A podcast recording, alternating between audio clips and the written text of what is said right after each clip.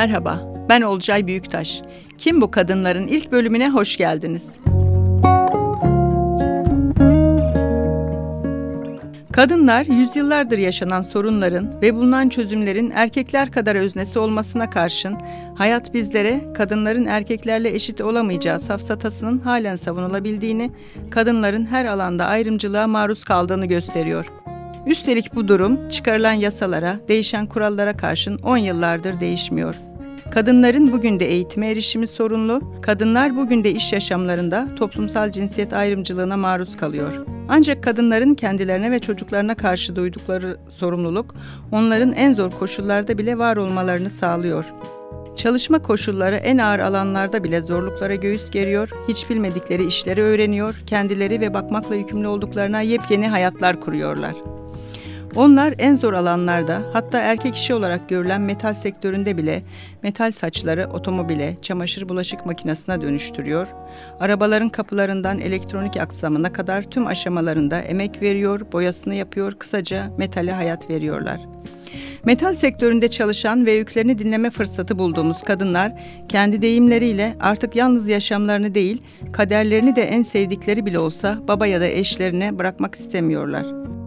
İşte öykülerini kitaplaştırdığımız 40'a yakın kadından birini oksijen kaynakçısı olarak çalışan Derya Yavuz'a onu bu zorlu sürece iten koşulları ve bu sektörde çalışmanın nasıl olduğunu sorduk.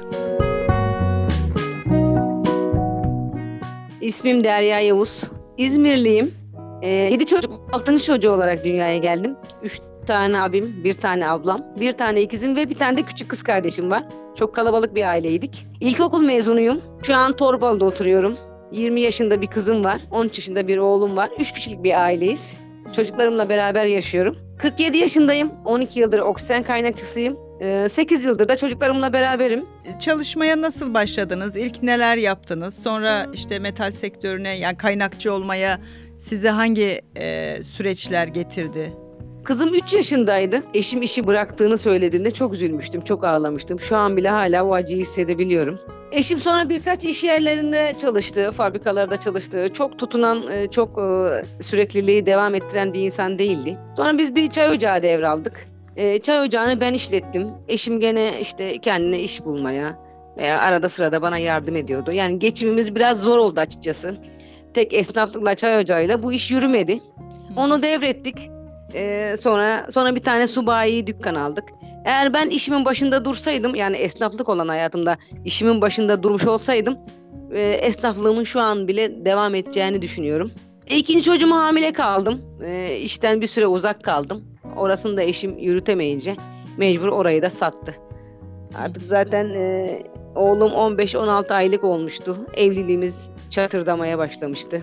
Artık çalışma ihtiyacı duydum. Ee, belki dedim çaycılık yaparım. Ee, bir fabrikada, bir bankada bir çaycılık yaparak hayatımıza sürdürürüz, eve biraz yardımcı oluruz diye bir iş kura başvuruda bulundum. İş kurdan bana bir mesaj geldi. Mesajda fabrikaya gittim. İşte fabrikada yemek yapmam gerektiğini, bulaşık, temizlik yapmam gerektiğini söylediler. Ben de açıkçası çok bu işlere çok seven bir kadın değilim. Ben de o yüzden kabul etmedim. E, görüştüğüm bayan da bana o zaman kaynakçılığı öğretelim sana dediler. Yani açıkçası eşime yalan söyledim. Yani beni temizlikçi, yemekçi olarak işe aldıklarını söyledim. Yani beni göndermez diye e, temizlikçi olarak çalışacağımı söyledim. Öyle işe başladım. 35 yaşındaydım. Hiç fabrika hayatı görmemiştim. Hiç fabrika görmemiştim. Çok büyük bir yerde çok insanlar vardı. Çoğunluğu da erkekti zaten.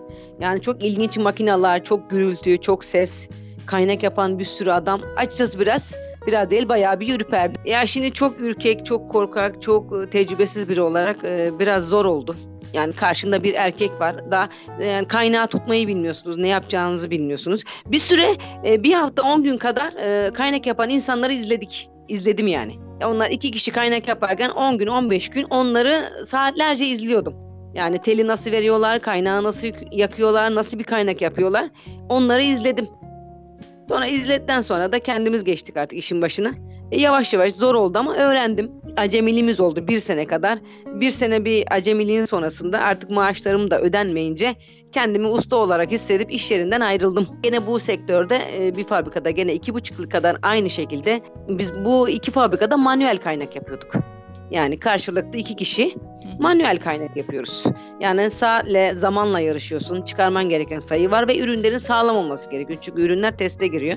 Orada da iki, iki buçuk yıl çalıştım. Orada da şey olmayınca e, maaşlar, mesailer, ıvır zıvır sorun olmaya başlayınca orayı da bıraktım. Artık kaynakçısın. Kendine artık bir özgüvenin var. Nerede olsa iş bulabileceğini biliyorsun.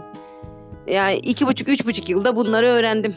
Sonra şu an e, çalıştığım iş yerim e, daha önce de söylemiştim elektrik direğindeki bir afişle hayatım tamamen değişip e, Torpalıç'tan bir belediye kültür merkezinde işveren ve işçi buluşmasına ait bir görüşme vardı. Yani bir toplantı düzenlenmiş, iş arayanlar başvuruyor, patronlar var, işte işçi, işçi arayan fabrikaların temsilcileri var. O şekilde o ilanı gördüm ve ben o, o görüşmeye geldim. Tamam. O zaman Selçuk'ta yaşıyordum. O görüşmeye geldim.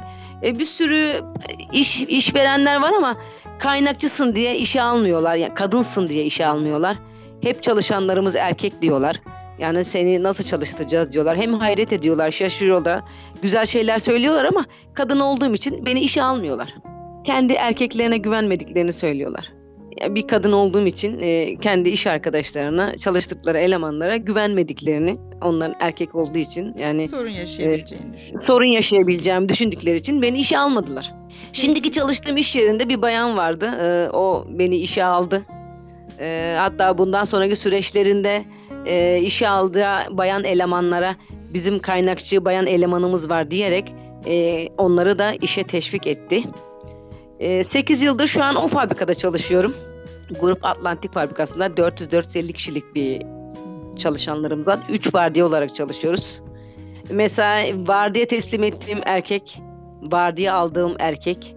Tabii onlar da bir bayandan vardiya teslim alıyorlar. Bir bayana, kadına vardiya teslim ediyorlar. 8 yıldır çalışıyorum. Şöyle söyleyeyim. Yani askeri ücretle bir iş yerinde kaynakçı olduğum için e, biraz maaş yüksek oluyordu. Ama onları da zaten e, geçtiğimiz anlattığım gibi e, çok fazla maaşlarımızı alamadık ama şu anki çalıştığım yerde sendikalıyız. E, maaşım yüksek. E, maddi olarak e, çocuklarımla yaşayabileceğim, onlara güzel bir hayat verebileceğim, geleceğe dair planlar yapabileceğim bir hayatım oldu. Bir birikimlerim oldu. E, manevi olarak da güzel şeyler yani güzel arkadaşlarımız, dostluklarımız oldu. Zaten biz yani evliliğimiz bittiğinde çocuklarım küçüktü. Ee, çocuklarımı okuttum. Oğlumu özel kursuna yollayabiliyorum. Ee, şimdi liseye gideceği zaman da özel bir okulda okutmak istiyorum. Onlar için e, yatırımlar, gelecek için yatırımlar yapıyorum.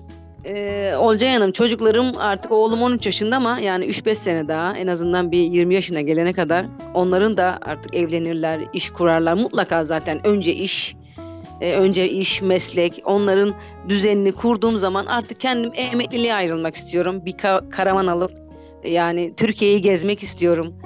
Çocuklarımı da küçükten itibaren iyi yetiştirdiğimi düşünüyorum. Onları bu hayata hazırlamaya çalıştım. Her türlü sorumluluklarını küçüklüğünden beri onlara verdim. Onlar bunun bilincindeler. Yani emekliliğimde de artık bir karavan alıp gezmek istiyorum. Emekliliğin tadını çıkarmak istiyorum. Vallahi Olcan Hanım geçen sene araba alacaktık. Arabayı aldık. Şimdi arsa alacağım diye zeytin arsası alacağım diye uğraşıyorum. Artık 3-5 sene sonra karavanı da aldık mı? Eskiden hayal mi vardı? Şimdi artık çalıştığım için, kazandığım için hayallerim de büyük. Kadınlar çalışmak zorundalar. Kendilerini ayakta durmak zorundalar. Yani şöyle söyleyeyim. Ben 35 yaşındaydım kaynakçı olduğumda. Yani evliliğim ilk andan beri çatırdama çatırdamıştı yani. Çoktan bitmesi gereken bir evlilikti. 12 yıl boyunca niye sürdü? Çalışmıyorsun, bir güvencen yok, iki tane çocuk, ayakların üzerinde nasıl duracaksın, nereye gideceksin? Ne kadar kalabalık bir ailenin kardeşlerin olsa da bir insan üzerine kaç gün yaşayabilirsin ki? Ben 35 yaşından sonra kaynakçı oldum. Şöyle söylüyorum. Hani kötü komşu ev sahibi yapar diyorlar ya. Ben de dedim ki kötü eş beni meslek sahibi yaptı ve ben çalışmaya başladığım an Çocuklarımı da aldım. Kendime bir hayat kurdum ama sıfırdan bir hayat kurdum. Yani anlatamam evimizde yemek kaşığımız bile yoktu. Çocuklarımla ayrıldığımda. Ama şu an çok iyi bir yerdeyim. Maddi ve manevi olarak çok iyi bir yerdeyim. Çalışmak zorundayız. Kadınlarımız, kızlarımız çalışmak zorunda. Ayakları üzerinde durmak zorundalar. Çalışmak zorundayız ya. Önce şunu söyleyeyim. Önce diyor mutlu olacak olacaksın dedi hayat ama önce seni güçlendireceğim güçlü çalışan kadın, güçlü kadın diyorum. Peki. Çok teşekkürler. Çok sağ ol. Teşekkür ediyorum. Bir başka kim bu kadınlarda görüşmek üzere hoşçakalın.